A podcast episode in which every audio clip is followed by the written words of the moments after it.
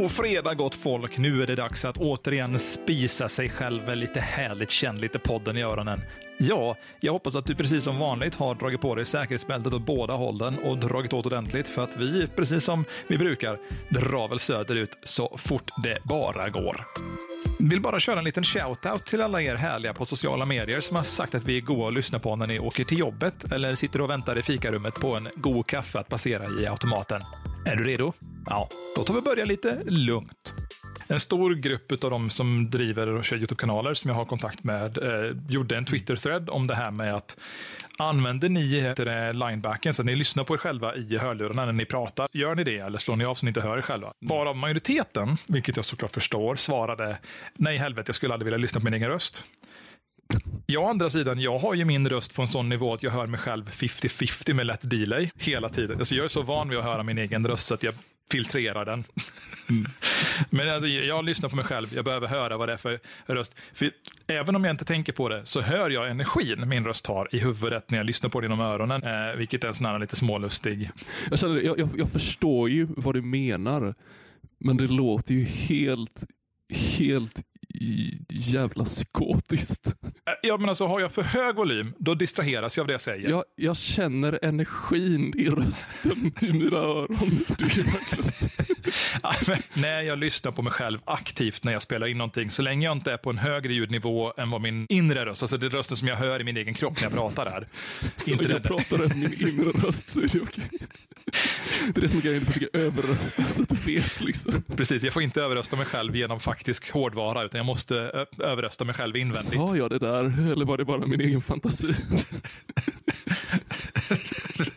är det jag eller någon annan än mig i mig? Hmm, svårt Nej, att veta. jag vill inte hoppa ut genom fönstret. Känn lite på den.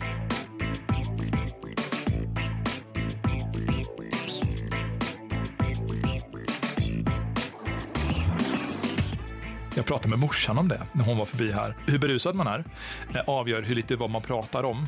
Hon sa det att liksom med ett glas vin då släpper man efter och börjar prata utan filter. Alltså även den som har ett ganska tungt filter. Ett glas rödvin och det filtret är fucking gone. Spelar ingen roll om du är en hårding. Har du generellt sett ett ganska starkt socialt filter, liksom med vad du säger och sånt. I synnerhet om du är en tillbakahållsam person när det kommer till alkohol. Men sen så får du möjlighet att ta ett glas vin. Tar du ett helt glas rödvin, I'll promise you, that filter is gone. Det finns inget filter. Men sen så började vi på att diskutera lite snabbt kring det och landade snabbt i att dricker du däremot två, tre, fyra glas. I synnerhet uppåt fyra, fem glas gränsen där. Då är filtret så borta så då säger du saker och sen frågar du dig själv, sa jag det där precis? innan så är det, om man ska säga innan så är det lite, filtret försvinner så du vågar säga sakerna. Du tänker inte så mycket på om du säger sakerna som du tänker. Utan det är så här, okej, okay, men jag, jag, säger det istället för att fundera, borde jag säga det och hålla tillbaka det, så är det mer som att det blir en del av konversationen. Men dricker man som sagt fyra, fem glas vin, i synnerhet rödvin, då tenderar det bli så att då säger man saker utan ens förstå man säger. Man tänker att man ska säga någonting, snarare säger man tänker en tanke, tänker, nej men det ska jag nog inte säga. Och sen när man har tänkt, det ska jag nog inte säga, då tittar folk på en. Förstår du vad jag menar? Man, man, man det är sätt... sant. Förhoppningsvis så är man i hyfsat samma nivå också, så att det blir liksom en, eh, en, man, barriär, en, eh, sammanflätning av... Man själv märker ju inte det, det är det som är det roliga. Precis. Det är intressant att lyfta det, för det känns också som att det finns olika temperament för olika drycker. Som mm. Vin till exempel, det, det, är en ganska aggressiv, liksom, eh, mycket personangrepp känner jag, involverat i rödvin. Jag skulle säga, ja i rödvin absolut. I rödvin, du kan, det beror lite på sammanhang och sällskap, men om man säger så om någon har en edge. Det, det, behöver, inte, det behöver inte vara negativt, men det, det blir väldigt liksom Fan vad du luktar.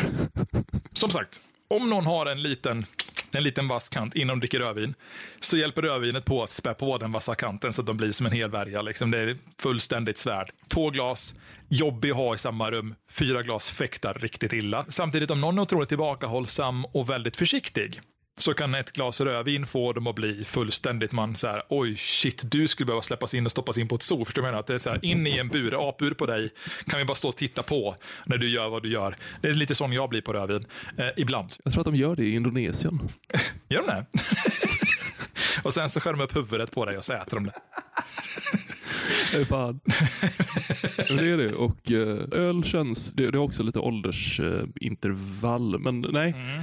Nu när jag säger det, öl är väldigt nostalgiskt på ett sätt. Det är mycket backtracking, eh, Ja. mycket historia, känns det som. Viss, Beroende beror på om du dricker lager. Alltså dricker du mörk öl, då tror jag att du är mer en historiefallare. Dricker du ljus öl, då har du inte i mina sociala kretsar att göra. Så är det bara. Då låser jag ut ytterdörren. Liksom det är bara, jag, jag, jag, vänta, jag låser ut ytterdörren. Din jävel, du stannar utanför min dörr. Det måste vara jobbigt att vara yttre halvan av ytterdörren jag tänker efter, för man är alltid liksom utelåst. Utebliven. Man är liksom där fast ändå inte, förstår du jag menar? Man, man, är aldrig, man är aldrig en insider, man är alltid en outsider. Du beskrev just hela, hela min sinnesstämning. Det, Jag är som ytterväggen på ytterdörren. Här men inte riktigt. Där. Nej, men som du sa, öl om det gör nostalgisk. Jag skulle säga då sagt mörkare öler kanske gör det lite mer djup och eftertänksam. Ljusare öler, nu säger jag inte att ljusare öl är dåligt på något sätt, utan jag säger ljusare öler, det är lite mer jag slår min fru-typen. Jag skulle kunna sätta det i, i kontext. Ljus öl, tillbakablickande. Desto mörkare ölen blir, desto mer framtidsutsikt och eh, livsuppskattning. R- rikare smak blir liksom eh, Okej, ja, ja, jo, men det är sant. Mm, livsuppfattning. Men tänk, tänk sig tonåring, jag vet när du kom i kontakt med vin första gången, men om du jämför vitt och rött vin, vilket var det första folk proklamerade för i gymnasiet? Det var ju vitt vin alla dagar i veckan. För att vitt vin är lättare att dricka, det är lättare att komma in i, och man kan liksom vänja sig att dricka rödvin från vitt vin. Jag är ju uppväxt på vinbärssaft, så att jag, rödvin var ju liksom easy cause. Det bara, men vad fan, svart vinbärssaft med lite alkohol i, hallå, tackar tackar Aurora, först det. Och sen är det det som smakade lite bättre och inte var så jävla sockrigt liksom. Det var en lätt Jag föredrar eh, brännvinet. Är, Ja, men det... Då har man liksom tagit bort det har fler. Det är också liksom eh, vodka, jag, jag är kåt. Eh, tequila, så pratar man bara spanska. Tror man. Det är lite så här, jag vet inte vem jag kommer antagligen inte få ligga för jag kommer dricka mer vodka än vad jag kommer få sex. Yes. Man eh, spiller glasen och eh, ser vem det stänker på. Här sitter jag och tänker tillbaka på fänrika anor ifrån när jag var yngre. Eller fan, fänrika anor, det, ah, skitsamma. Någonstans. Edvard Blom. Fan kom han in i chatten? Han sitter där med sin tallrik ost, eh, förtär sig och funderar på allting gott i livet. Speaking of drick by the way, jag har ju en, en cola som du ser. Pizzerian vi beställer från via Foodora, de anser att det här är cola, så det står så här cola, Coca-Cola står det när man klickar in i valresultaten. Varenda jävla gång kommer det Pepsi. Jag gråter inte, jag tycker om Pepsi. Pepsi men, är optimalt. men det är samma sak så här. Det är Coca-Cola, Pepsi, eh, det står Fanta, man får Ja, eh, Singo. Precis. Är, är du redo att ha ditt mind blown? För jag har faktiskt gjort någonting otroligt vackert här som jag inte ens... Jodå, men det... Blås mig. Vad fan var det där? Var det en jävla plunta? Nej, men det, den har ju... Eh, dagen till ära så har jag då eh, tänkt... Alltså, ibland är man ju riktigt törstig eh, på någonting som får energin att kicka upp i kroppen. Och då tänkte jag så här... Kaffe är ju gott. Jag har druckit kaffe hela dagen. Jag tror jag har druckit säkert nio koppar kaffe idag. Du vet, mina koppar är ju inte små koppar heller, så att det, det är därför jag orkar spela in podd. Men så det, jag behöver ha mer kaffe om jag ska palla kvällen. Så jag hade kallt kaffe i kylskåpet som jag sparade från häromdagen. Och sen hade jag lite kaffe kvar i bryggan nu på eftermiddagen här. Jag dunkar ner dem båda in i behållaren jag har framför mig. Så det är kaffe i grunden. Um, Sen var det bara det att det slog mig att behållaren som jag dunkade ner i fick ingen bättre flaska. Det råkar vara Sodastream-flaskan. Så jag har Sodastreamat mitt kaffe och slagit i en matcha-te på toppen bara för att se om det smakar lite gott. Jag kommer att göra det här igen kan jag säga. Det var tveklöst trevligt. Kaffe har ju en grundsyra. Sodastreamen fick nästan smaka sött. Behöver du hjälp Kevin? Nej, men det är inte första gången. För saken var när vi var i Tokyo. Jag, jag har inte mycket, men jag, jag kan sponsra dig. Liksom. Nå- Någonstans, någonstans känns det som att har du, har du på något vis gjort Pepsi? I det liksom? Ja, det, jag har gjort vuxen-Pepsi. Det är bara sockerfritt. Men, tog du bort sockret i Pepsi så hade det varit en halv liter kaffe med lite te i. Nej, men saken var när vi var i Tokyo, jag, vet, jag berättade ju för dig att vi drack, eh, jag trodde att det var läsk, jag var pisstörstig efter att vi kommit av planet och åkte en bit, liksom en tunnelbana. Bara ta en sån här vending machine, dunkar in, får ut någon metallliknande flaska, bara men skitsamma, börja på smaka på innehållet, för jag är helt inne på att det här är någon god saftig läsk. Iskallt jävla kaffe. Det var inte första och sista gången jag kom i kontakt med kaffe i Tokyo via vending machines, för jag fick faktiskt tag i kaffe med, jag menar alltså, genuint kolsyrat kaffe. Det var en grej som du kan köpa vending machines där. Så att det här är ingenting nytt för mig. Och det är därför jag säger att jag inte tyckte, jag tycker inte att det är helt hemskt, för jag har en relation med det sedan tidigare. Omständigheterna jag drack det då i Tokyo, då, det var väl kanske så här, du vet, jag får för mig att när jag fick tag i den så var det morgonruschen, man var på väg upp, vi skulle väl ner till Shibuya eller någonting. Och så står man med den här ja, sodastreamade kaffen mer eller mindre, iskalla också ska tilläggas, i handen, på väg med tunnelbana bland massa japaner och känner sig svensk och man står instängd i något hörn för man vill inte vara i vägen. Men samtidigt så syns man för man är vit och lång som en jävla lyktstolpe. Liksom det, det var ibland det roligaste med att vara i ett land med folk som generellt sett har en total kroppslängd som inte övergår en svensk 190 cm lång karl upp till axlarna. Liksom. Utan går du i en folkmassa, du ser allt. Du bara, ah, dit ska jag. Det är inga hinder, jag behöver inte fundera. Jag ser ovanför det havet av liksom, huvuden vart jag ska ta vägen från. Majoriteten av japaner, trots omständigheterna, man kan tro att det borde vara fler som färgar håret eller bär peruker och sånt bara för att det finns mycket kultur runt omkring som är färgsprakande.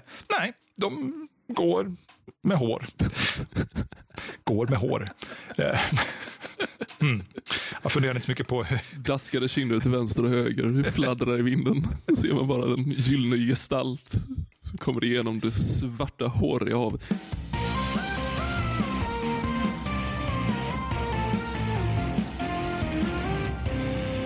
Vi har ju både lyckan och obehaget att bli behårade på ett sätt som är nästan i vissas fall. Jag tittar på din lite uppknäppta bringa här och konstaterar att det finns en dold grizzlybjörn där under. Om det är någon brud där ute som lyssnar på den här podden och tycker att det låter intressant med en hårig göteborgare. Varsågod, go ahead, he's all yours. Jag kan låna ut dem på helgerna. Eh. vill ha honom i veckorna, då är han min eh, sugar daddy. Nej, men... Oh. I'll, I'll concede. Lustigt nog, alltså det räcker att du har du vet, det lilla minsta mustaschkant. Alltså även om det är den här spanska liksom, tunna, tunna. Ja, ja, ja, ja. Då, är det, då är det fan berättigat. Det... Nej, ja, men det är nästa på den. Ja, jo, då är det alltid, då är du skurk. Spelar ingen roll vart du befinner dig. Eh. Precis, då kommer jag förvänta mig att du äh, låter som och ser ut som Waluigi mer eller mindre. Du har liksom... Det är, en, det är en mustasch jag borde passa på att försöka etablera. Alltså en faktisk liksom Pikachu-svansmustasch. Jag tror att man vinner mycket pondus det på det. Passat dig. Det hade passat dig. Jag vet, jag vet. Jag kan, jag kan se det framför mig. Cos, cosplayer Kevin. Liksom. Du kommer in, du har, du har liksom en, en trenchcoat som det ser alltid ut som att det blåser i den. Du har satt upp med stålvajer och så har du massa catchphrases nedklottrade liksom i ett uh, anteckningsblock som du bara läser upp välvalda tillfällen. Pratar du om mig i mitt privatliv och väljer exponera dessa här? Jag trodde att vi hade diskuterat att det ska inte pratas om i podden. Jag behöver pengar. Det är så enkelt. Det så, jag ligger lite på efterkanten med att få upp alla animerade shortclipsen. Det vart ju som sagt mycket tungt i veckan med extrajobb och sånt där. Är det uppföljaren till älgshorts? Animerade shorts?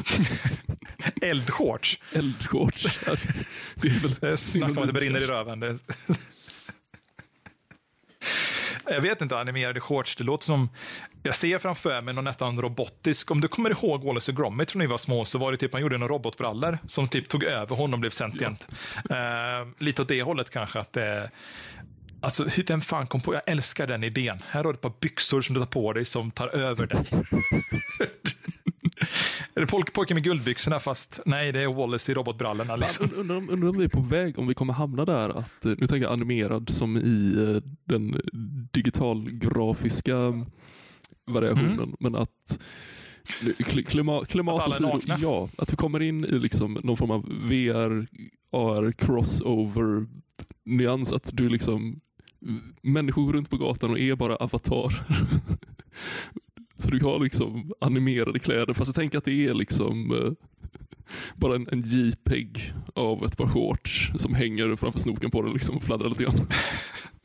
Jag tror, nu ska jag inte vara sån, men jag, ja, jag tror att det kommer att förekomma ett ganska mycket grövre filtersystem på det. Att man kanske, som du säger, jag älskar idén dock, för det känns fantastiskt nästan.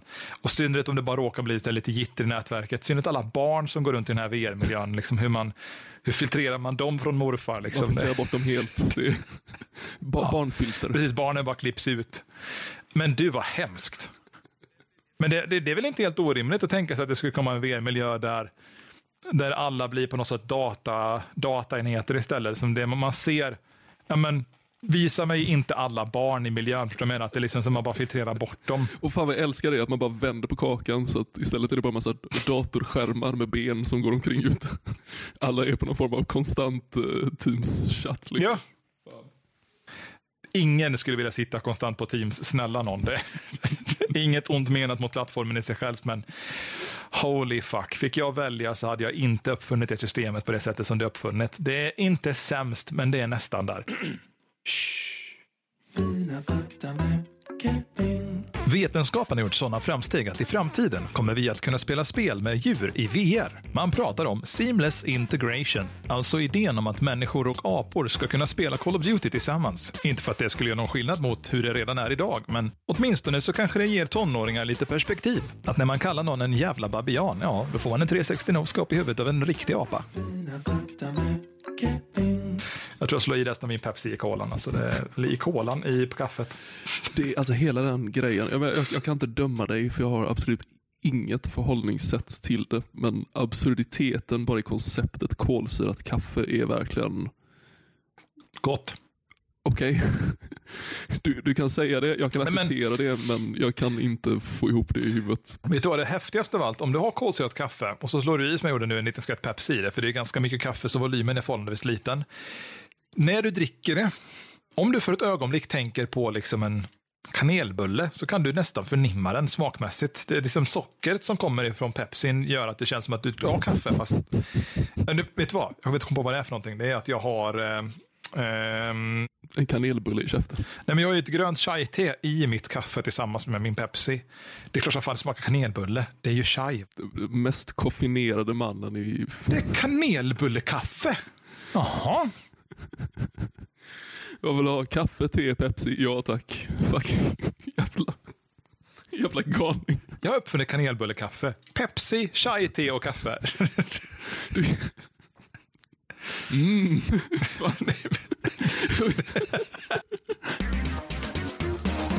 I snickarkläder så har du oftast dragkedjor så du kan dra av brallan vid knähöjd och så får du liksom shorts sommartidsmässigt. Varför gör vi inte alla kläder så att det finns liksom dragkedjekomponenter hela vägen upp så man kan välja hur långa brallor man vill ha. Istället för att vika dina byxor, bara dra av en nivå. Förstår du vad jag menar? Eller varför ens dragkedjor? Varför inte typ uppfinna någon smart magnetfog?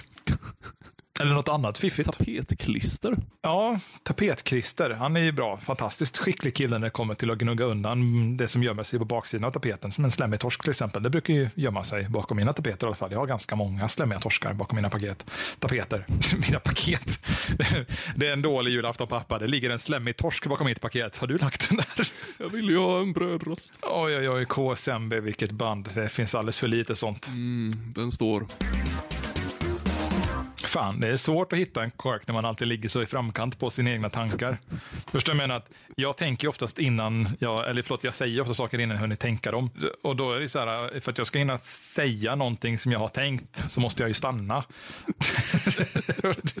och då stoppar ju allt. För, lustigt nog så hör jag lite munnen och hjärnan ihop, förutom när jag sitter och jobbar. Då, så är det lite som att jag jobbar i någon sorts uppförsbacke, att hjärn, hjärncellen som vi redan sedan tidigare vet har liksom en hel jävlas trave med papper att gå igenom på sitt kontorsbord och en chef som kastar skit på honom för att han är så långsam.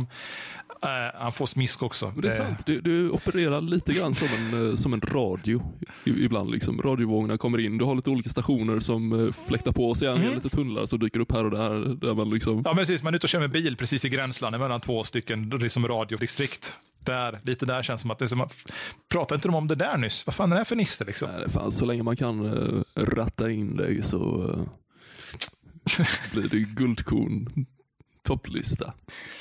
Ta inte det som en uppmaning gott folk. Kom inte hit och ratta in mig. Gör inte det. Lämna hans uh, knappar i fred. Det, jag har ju den härliga turen att min lilla son är duktig på att ratta pappa så det räcker att bli över. Nej men alltså skojar inte. Inte nog med att han ger mig danska skallar när jag sover. Utan han har ju liksom, när han har liksom tråkigt så kan han liksom i ren bara frustration hugga tag i min bröstvårta. Och han hugger inte tag i bröstvårtan liksom med två eller tre fingrar och lämnar så, utan han hugger tag och vrider. Alltså han har redan lärt sig att nippeltwista pappa. Jag är imponerad över det. Redan alltså vid ja, nio och en halv månad så visste man nippeltwista sin far. Det är ju bestraffningsretorik som heter duga. Jag blir inte lekt med, så nu nippeltwistar jag dig pappa. Ibland så önskar jag att jag var en guppifisk och sen så fort jag tänkte den tanken så ångrar jag mig för jag vet hur det var. Gupp, vi hade guppifiskar som barn. En guppifisk. En guppig fisk. Ett fiskgupp. Hade det varit någonting? Hade det varit ett sätt för oss att eh, förbättra infrastrukturen? Bara hiva upp en massa fisk på. Liksom. Jag tänker det för att jämna ut liksom, underlaget. Och, eller det kanske man inte gör i och för sig. För det mesta en massa fiskrens överallt. Men vi ska ju ändå rensa upp gatorna. Det är ju det som är det stora. Rensa upp gatorna. Jag tror du har en viktig poäng dock. Fiskrens. Det finns inte någon nisse i BMW eller Audi eller någon annan skitbil som tycker att det skulle vara rimligt att köra genom en hög med fisk med detta fordon. Så jag tror folk hade fan hållit ner hastigheterna Skyldig. bara för att Nu- nu- undvika nu när att köra säger igenom det, fisk. Det är klart som fan. Hade det varit massa högar med fisk överallt så är det klart som fan man velat speeda igenom dem. Det hade blivit en tävling. Se liksom, kan man få fisken att flyga? Det är ju så enkelt är det ju. Lite som med... eh, Då är det bättre att ställa ut gris tycker jag. För den dagen grisar flyger, du vet ju själv, det fattar hur många det är som hade fått lov att sätta sig nummer två och fundera på någonting efter det. Grisar flyger. Serverar Bosse flög den grisen precis. Det, det är ett väldigt läskigt idiom tycker jag. Ändå. Grisar flyger. Är, är det verkligen någonting som vi vill frammana? Flygande grisar. Kan vi föreställa oss en värld med flygande grisar? Ja, ja. Tveklöst. De hade funkat som ballonger. Man hade haft dem i ett långt snöre. Jag är ett med Gud. Gud är i mig. Gud är i alla. Efter 15 långa år i totalt celibat.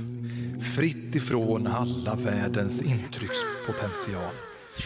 Fann Gud människan.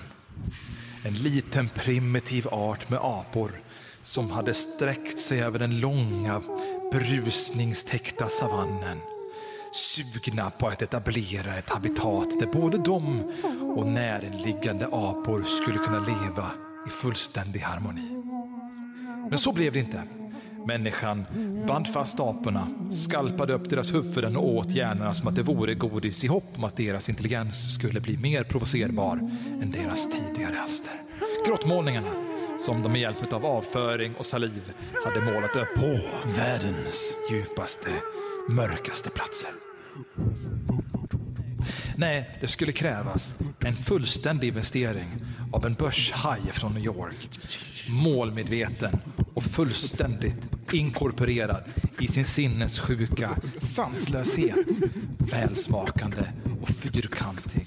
En nästintill oformlig, numera avdrucken och urrunkad hink med salivspill från alla gånger han ljugit och spottat folk i ansiktet. Ja, det är Gud vi pratar om. Det var bland det kanske sjukaste. Det här blir Ja, fullt jävla... Det var ändå skönt att vi lyckades hitta varandra i det där. En värld där badrummet har tagit över. Där badrummets olika komponenter är sentient och vi människor är avföringen. Som ska, eller snarare, vi är inte ens avföringen. Vi, vi är badrumsartiklarna. Toalettstolen skiter i oss. Så som vi sket... Alltså all, eller, så, det här är en helt... Vänta, vänta, vänta. Det är en värld där allt som människan gör mot allting annat görs av allting annat mot människan. Att det vi gör mot vår omvärld gör vår omvärld mot oss. Livets stora virvel. Man, man kryper ner i den. Eh, ja, tror jag. Man sugs in. Jag bara försöker föreställa mig någon som liksom i fosterställning kryper in i en virvel. Det känns väldigt svårt att föreställa sig. WC-anka dina synder.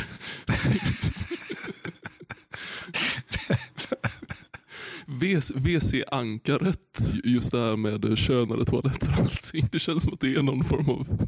Bara, förlåt, pa paus där. Bara dra konceptet könade toaletter. Tänker jag. In, inte för kön, utan faktiskt könade toaletter. Det behöver inte vara könsorgan befintliga, men könad toalett.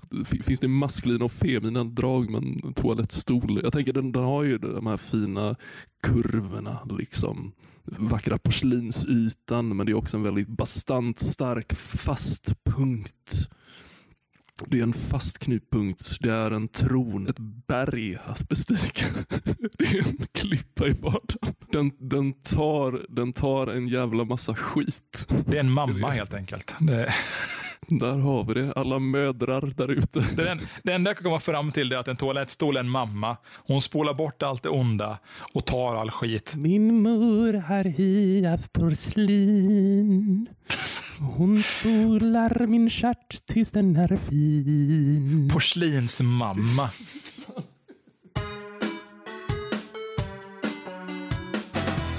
Men alltså ursäkta mig, toalett, alltså, tänk så, toaletten har ju ändå en vattencistern som förfylls, som fylls på hela tiden. Hade inte det varit en jävla smart lösning för att tjäna utrymme på offentliga toaletter? Att man inkorporerar handfatssystemet i cisternen på toaletten så att man liksom på sidan om, alltså, du har en drickesbrunn, du har en, en vattenkran och en spolfunktion i samma cistern så att du kan vara lite vattensnål. Så istället för att folk bränner liksom upp så är det så här, ah, men när du spolar vattnet i, i 40 sekunder, då har du tömt cisternen. Då får du vänta på att det laddas upp igen. Liksom. Så att man kanske är lite smartare med sitt besök. Men man kör en spolning eller man kör en halv spolning. Det tar inte allt. Så finns det lite att dricka och så finns det lite att skölja händerna med efteråt också. Liksom. Det låter ju faktiskt som genuin potential där. Alltså jag tror att det hade ju varit ganska smart att spara undan på i alla fall. För att om man just i mer obskyra miljöer så tror jag man hade haft ganska mycket vinning på. För ännu mer om du hade haft en, ja, nu kan man inte säga vad som helst om bajamajor för de har ju sällan någon sorts handfatssystem. Men bara idén om att det kanske faktiskt skulle kunna finnas liksom ett, ett förladdat ekipage. Man tar dit en tank som ställer i bakgrunden, man kopplar bajarna emot det och sen så finns det en drickestapp och en liten handfatsmodul på toan. Fördelen med befintliga bajamajor är i och för sig att det är väldigt lätt att veta om man stoppar handen i fel hål. Det är ju den, den typen av eh, simplicitet som vi kan behöva i kontexten där en bajamaja faktiskt behövs. Liksom. Jag har bara en sån, när du sa det där, det blev så konstig bild. Jag ser liksom framför mig någon står och frifistar sig själv in i en bajamaja.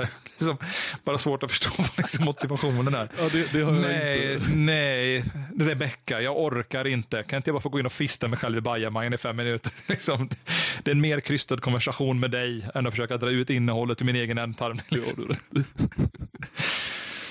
Nej, förlåt. Det var inte, jag skulle, inget ont mot alla Rebeckor där ute. Ni är säkert fantastiska människor. Jag har bara inte träffat någon än. Ehm, jag har träffat tre Rebeckor i mitt liv. En av dem var trevlig, de andra två var tveksamma. Tveksamma till fisting på bajamajor eller bara tveksam överlag? Jag har aldrig frågat om de första. Jag har, jag har hört att man ska fråga först, men om inte annat så lär man ju få reda på det ganska snart. Tänker jag. Eh, Jag tycker att fråga någon om, om de blir fistad på en bajamaja skulle vara... Det är ju en icebreaker som garanterat berättar om folk tycker eller skapat en initial trevlig bild av dig. Det är ju lätt att bli frusen om stjärten när man sitter på en bajamaja, så det, det är kanske det som behövs. Någonting som knäcker frosten lite så att säga. Ja, precis. Varför inte? Ehm, Man kör en, eh, en arm eller två. För jag tycker icebreakers är en väldigt intressant samtalsämne. Det är ett kul samtalsämne. Jag har säkert berättat för dig den gången jag var nere och föreläste på... Eh, det var en inspirationsdag för slutet som årskurs 9 som skulle välja gymnasieinriktning och tanken var att jag skulle vara där för att ge mig en liten vink på vad det handlade om att ta sig in i det tekniska livet, gå en tekniklinje eller natur eller någonting och liksom visa på vad man kan bli av det. Det som hände under min första föreläsning, jag var lite smånervös som man generellt sett ska vara när man kommer och ska hålla en föreläsning.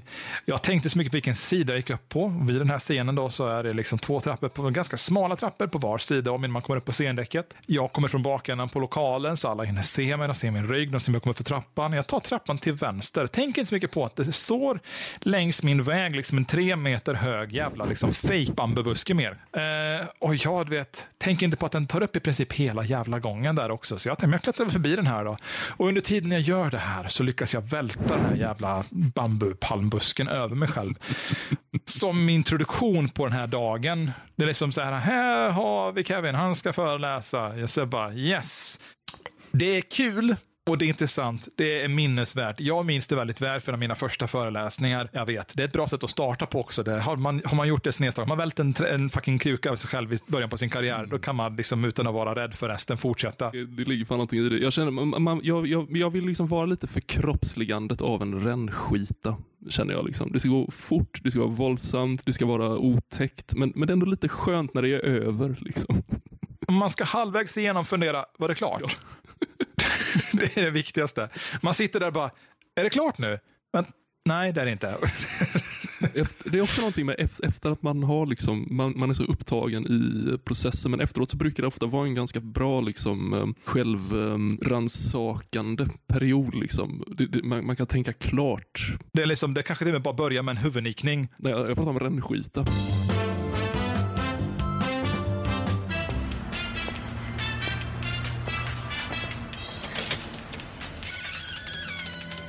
Nej men Bosse. Jo, hej. Jag skulle vilja reklamera en påstående. Ja, ja. Vad har du idag då? Ja, det är den här. Men Bosse, vad fan är det här? Vet du vad? Jag vet inte. Men jag tror att det kallas en icebreaker.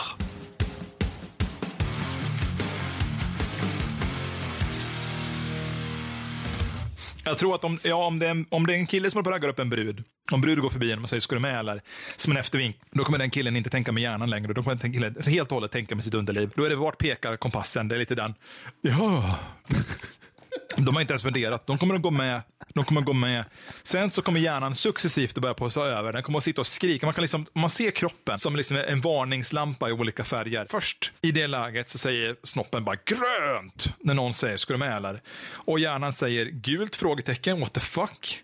Den säger okej, okay, grönt. Sure, whatever. Snoppen verkar säga grönt. Vi kör, vi kollar. Det är hjärnan i mannen först. Mannen börjar på att gå. Hjärnan inser, vänta ett ögonblick, och jag har precis grönt i snoppen. Det brukar vi inte göra under normala omständigheter. Det här måste vi tänka igenom. Hjärnan blir gul igen, tänker frågetecken. När de sen får chansen att se vart det är på väg, har du gått mer än, säg två rum bort var du än befinner dig, men har du passerat två dörrar, det är en bra regel. Har du passerat två dörrar, då har hjärnan gått in på rött. Nu måste den omövertygas om vart den ska för någonstans för att den ska gå med på resten. Så att Bra regel till er tjejer. Du försöker ragga upp en kille, får du med honom två dörrar, nu är det läge att etablera vad ni ska göra för någonting, för annars så kommer han tveka. Det är snabbt och enkelt. Får en bild i huvudet bara av eh, krogar fulla med brudar med bara dörrar under vardera arm. Liksom. det är Lustehuset på Gröna Lund. Liksom. Fan. Är du säker? Jag tror, ja, ja, fan det är övertydligt. Kika på honom. Öppnar och bara vinkar igenom. Liksom. Gå ner får du säga. Är du säker? Ja, ja för fan. Ja, för fan. Det blir kuckelimuck där nere. Så. så kommer man ner så hör man liksom. Ah, lillebror, jag vill ha kuckelimuckmedicin. Astrid Lindgrens Pulp Fiction för fan. Gimpen är ett Tommy som kommer med lite. Det är inte svårt att föreställa sig Karlsson på taket i en liten, liten frack och en pimpallik mundering liksom nere i någon liten äcklig burduslokal när han sitter och röker liksom cigarr. Det har väldigt lätt att se den bilden i huvudet. Han är rökmaskinen i rummet. Det är liksom för att han bara flaffar runt. Ja, nej, jag vet inte vad som ska till. Om, om jag under några omständigheter ska se Karlsson på taket som någonting positivt, då får du fan operera mig tror jag. Alltså jag ska någonstans på en djup fundamental nivå så tror jag att du nästan typ måste lobotomera mig. Och till och med då tror jag att min hjärna kommer att konfliktera över idén om att han skulle vara positiv på något vänster. Det, liksom, det, det finns inte. Det är en karaktär de uppfunnit som ska kännas barnsligt lekfull och som bara känns som världens obehagligaste lilla gubbstrutt. Det finns ingenting positivt. Om du tar världens mittpunkt, universums svartaste, djupaste, mörkaste, jävligaste hål och all potentiell negativ omöjlighet, all potentiell existens, all, all sanning, all lögn, lagd bar, den gråaste av gråaste mattor, den mest fantastiskt ogenomtänkt genomtänkta som någonsin har kunnat existera, så är det fortfarande oändligt många gånger mer komprimerbart än idén om att Karlsson på taket skulle vara någonting positivt. Det där är min statement. Är det någon som tycker att han är någonting trevligt att ha? Jag kommer behöva göra så jävla mycket new age flyftmusik nu så det... Apropå barnprogram och vapenvåld. Ja. Det kanske inte är så konstigt att det var så mycket skjutningar när vi växte upp med Björnes magasin. Är det, är det någon parallell som har sluppit förbi där?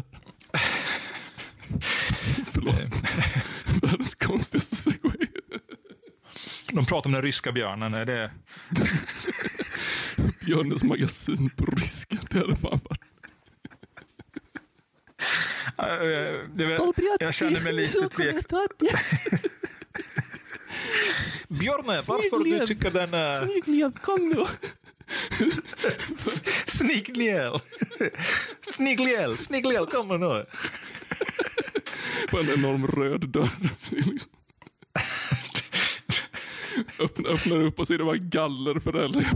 Jag tror att det tagit väldigt lite. I och för sig, hela introsekvensen, fast om man spelar en baklänges typ, så blir det lite mer... Med, eh, vad heter det, sovjetisk musik. Ja. Fan, det måste vi göra. Det som- Det måste vi göra. Jag vill fan se det. Vi får lägga upp det på YouTube-kanalen helt enkelt. Herregud.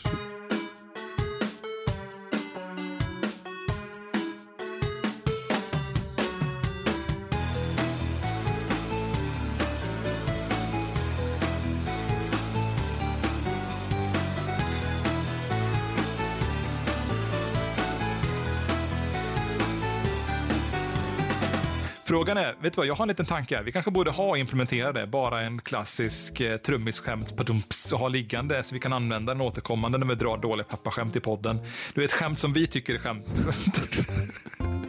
och se hur många gånger det landar med någon annan. Kan man inte bara ha riktigt gott jävla skrock liksom? Sån där jävla... Lite som det kommer från rummet intill liksom. Ja, det är en pappa, en 60-årig pappa som även hör sina barn prata om någonting halvroligt. Kommer du ihåg den gången lillebror skit ner sig i badrummet? Vilken av gångerna syftar ni på? Så man bakom tidningen. Liksom. Lever på socialbidrag och skiter ner våra möbler. Fan om man skiter ner sig är väl badrummet optimalt? Eller har jag missat någonting här? Du, vi satt för många herrans år sedan och spekulerade i vad som skulle kunna vara ett otroligt intressant och målande filmmanus. Manuset är i sin grund och botten. Hela konceptet bygger på att det är två människor som älskar med varandra. Kruxet är att de båda, de båda är av olika epiteter. De saknar alltså språklig brygga där de förstår varandra. Det här är två människor som språkar alltså helt olika språk med varandra. De kan inte göra sig själva förstådda på sina språk inför varandra, men de är ändå där för att idka samlag. Premissen som den här idén bygger på det är att för att få det här att fungera så har de en tolk i rummet som sitter och utför stön och kommentarer åt den andra parten. Du vet den klassiska klädd i liksom svart kostym, solbrillor. Sitter bredvid sängkanten på en liten sån här äh, psykologpall och gör ljuden åt de älskade så att de ska kunna förstå varandra i sängakten och även efteråt. All right. nu, nu, nu gillar jag det. För in, innan du sa tolk så tänkte jag säga att det låter bara som prostitution. Men nu, nu tycker jag om det. Det är lite mer, jag, jag vill nästan dra det ytterligare och jag tänker att det är liksom inte, inte bara att det är språkbarriär utan döva människor men att man har en sån här eh, dövtolk som, som jag alltid. Liksom. Oh, Jesus Christ. Vilken bild! Om någon av dem säger eller gör något ljud så måste en annan anta att de gör det. Titta upp och kolla på tolken. Och titta tillbaka på sin partner som de älskar med. Och sen titta på tolken igen och kolla om de liksom får samförstånd. Liksom. Och också det jävla jobbigt att vara tolk och försöka prata två olika personer samtidigt med handgestikulationer. Och vem är det jag pratar som nu? Förstår du? liksom så här. Alltså, får liksom kamma till håret lite snabbt, så här, rufsa till det. Nu är jag den personen, nu är jag den andra personen. Liksom. Bara jävligt, Har han olika solglasögon? jävligt eh, ambidextrös liksom tänker jag. Måste kunna signalera fisting och kalla mig pappa samtidigt. Det är liksom enhänt, enhänta fisting-gesten. Som är, Ja, vi alla vet hur den ser ut, den här italienska. Den, blom, blomknoppen, som vi alla har sett dem. Jag kom på en grej som skulle kunna hjälpa en sån här tolk. Det är att om de hade haft såna här klicklampor på bröstkorgen, förstår man, som, som sitter liksom kopplade så att om jag klickar... Nej, men, alltså, tänk dig liksom två lampor, en på vardera, liksom, liksom, de sitter liksom en bit upp mot axeln. Klickar jag på den ena knappen så släcks den andra lampan. Så att det liksom, så här, nu är den här personen, så liksom klick, klick och så fladdrar lite användare, så klick och så för nästa. Så att de kan se vem det är som pratar. Och så har man skrivit namn, tags nedanför, något sånt där.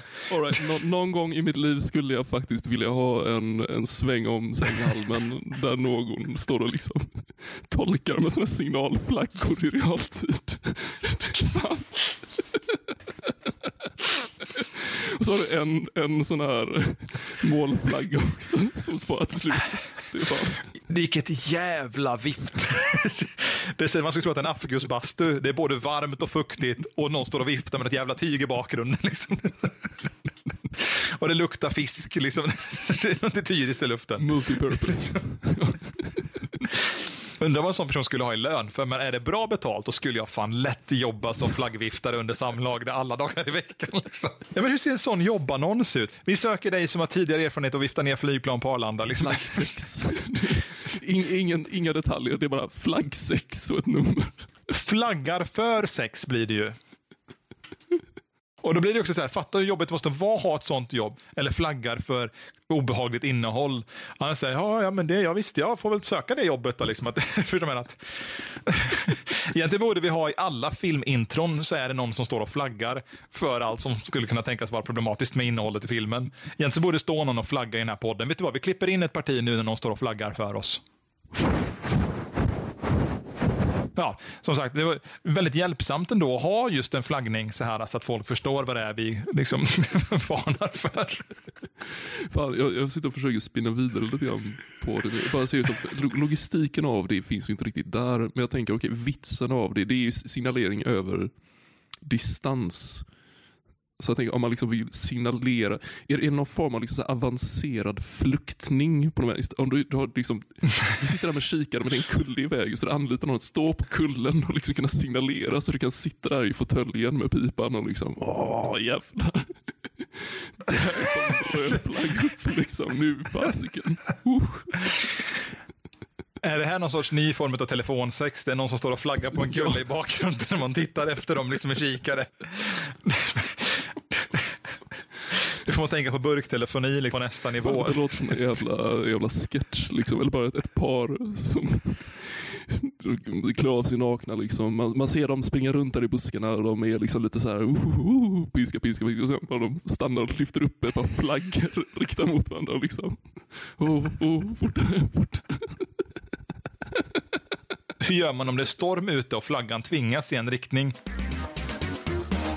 Det här är en sak som jag tycker är så synd att man inte har och inte bara ger folk som någonting på krogen. Det är en liten diod som du sätter i bröstfickan eller var som helst, någonstans där den syns. Eller på axeln. Det kan man få liksom bara en liten lampa på axeln så här. Och så sätter de en liten läsare liksom på fingret eller någonting. Eller att ja, men du, du kan få en liten ställe på handen, sätter de en liten, liksom en litet chip som bara sitter där inne, inne på, liksom, på krogen. Och sen blir du upphetsad så lyser lampan. Ser du en person, om du tycker att de känns sexuellt attraktiva, psh, lampan lyser. Det är den enda lösningen. Vi hittar en nymfoman och kopplar dem till vågmaskinen i Acapulco. Det är liksom... Vänta, så, koppla dem till vågmaskinen. Vi hittar en information och kopplar dem till vågmaskinen. Vad är det för jävla äventyrsbad? liksom, give something back för sex offenders. Fan, det plaskar hela tiden i den bassängen. Sexdriven. Man tar in pedofiler på Gröna Lund. Man låter barn och karuseller. Man sätter pedofilerna i busken. Paus. Stopp. Som er statsminister så kommer jag. Du, vänta lite nu. Vad var det du sa om pedofiler på Gröna? Jag avlider. Alltså för i helvete. Jag går väl då.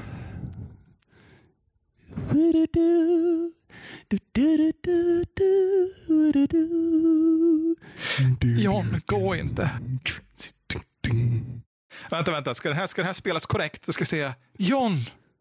Och så ska du stanna i dörren va? Va? Lite försiktigt. Jag, säga, jag ska tveka och du bara, nej det var väl ingenting. Och så ska du gå ut och stänga dörren. Och så ska jag sitta där tveksam och du ska börja på gå längs gatan och man ska se hur du monononiskt liksom tvekar över din egen existens. Men ändå, nej men gå vidare. Och så kommer jag ut med huvudet i ett fönster. John! John, kom inte.